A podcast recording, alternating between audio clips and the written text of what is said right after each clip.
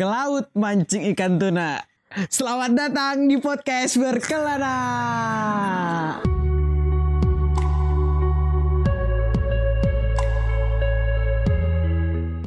Ya, selamat datang di podcast berkelana episode 1 kali ini dengan gue lagi gitu kan, Aiman Musyafa.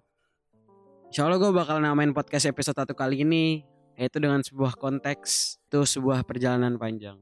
Jadi gini teman-teman, meskipun ya gue nggak tahu gitu kan perjalanan kalian seperti apa, jatuh bangunnya seperti apa, tapi gue cuma berharap gitu apa yang bisa gue share ke kalian itu bisa membantu kalian lebih membaik ke depannya. Terus kadang gitu ya di otak gue tuh gue sering terngiang-ngiang gitu.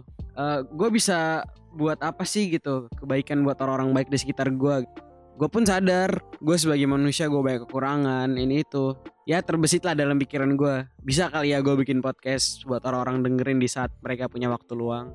Karena pertanyaan ini bakal datang dari lu buat gue gitu kan. Apaan sih lu man bikin-bikin podcast? So keren banget sih lu.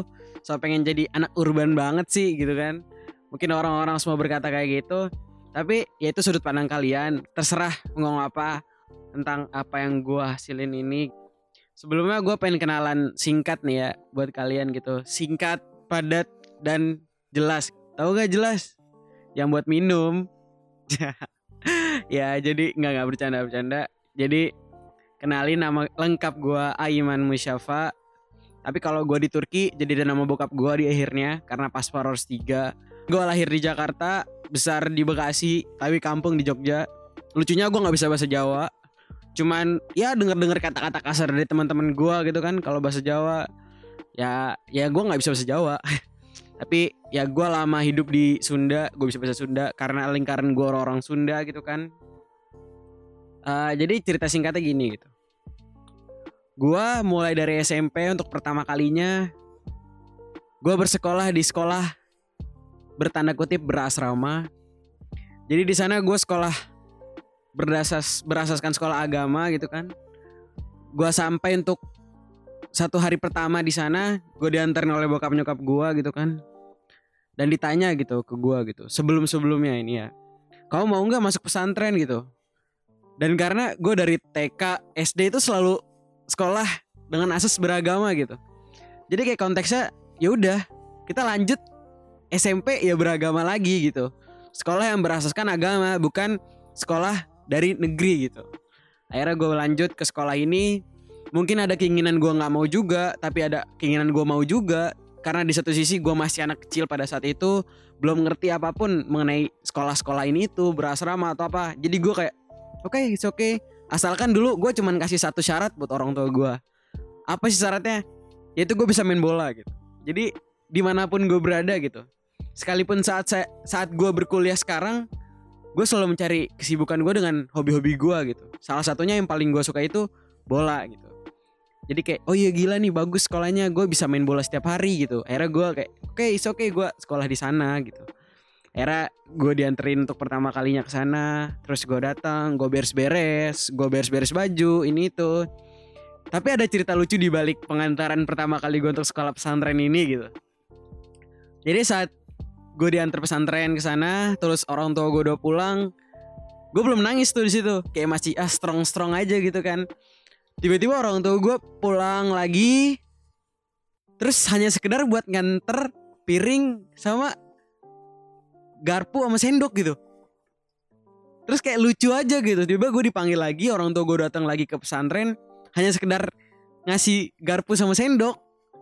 Terus saat orang tua gue udah pergi lagi lucunya gue nangis sambil gue ya gue sambil ngegigit sendok yang gue pegang itu gitu aduh itu lucu banget sih sebenarnya kalau lu bisa ngebayangin ya lu bayangin lah gitu kan se gue seorang Aiman gitu kan nangis ah gitu kan. Akhirnya ya gue ngelewatin masa-masa itu gitu kan. Dengan seminggu dua minggu masih tetap sedih gitu kan. Kangen rumah kangen anak-anak Bekasi gue main dulu di Bekasi anak-anak bopung bopung gitu kan. Wah pokoknya nggak bisa kebayang lagi lah.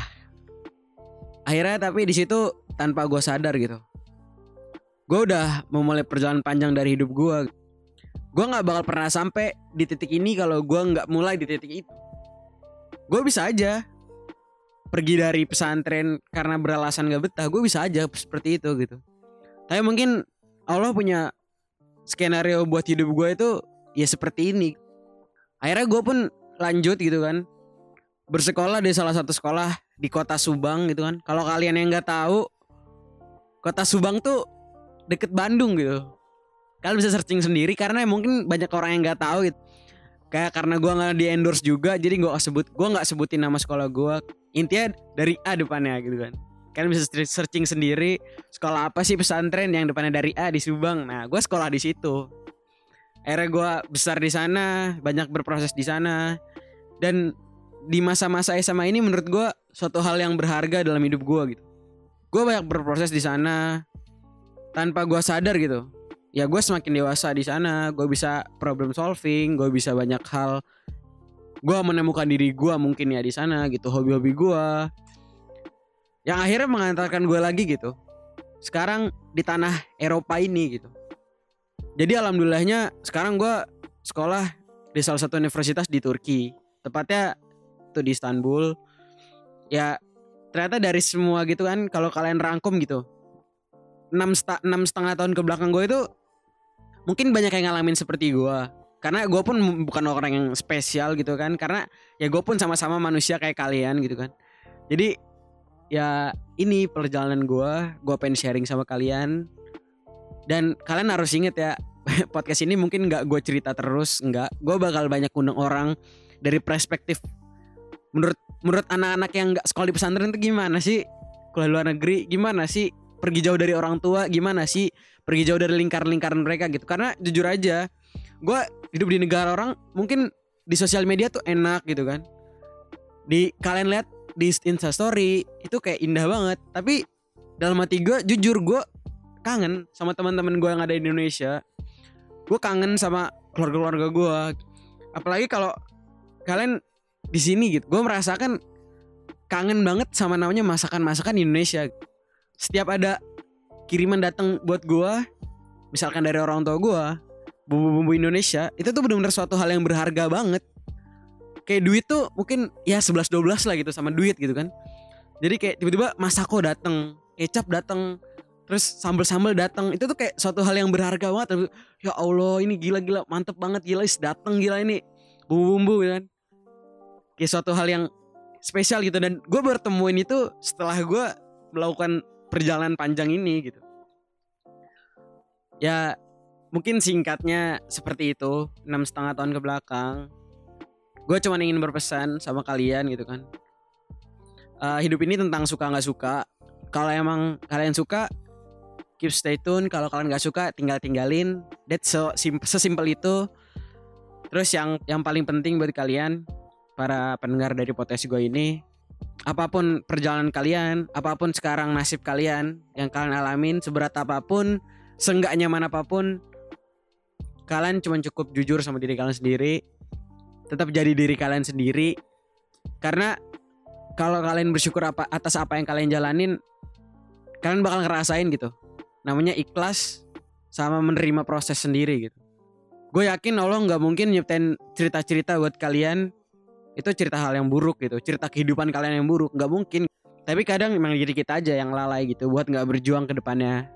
Mungkin itu emang klise kali ya sering orang sebutin. Tapi ya gue pengen sampaikan ini lagi buat kalian pendengar gue walaupun yang gak banyak adalah kebaikan yang gue sampaikan ke kalian gitu. Ya selamat menikmati podcast gue keep stay tune episode selanjutnya. Bye bye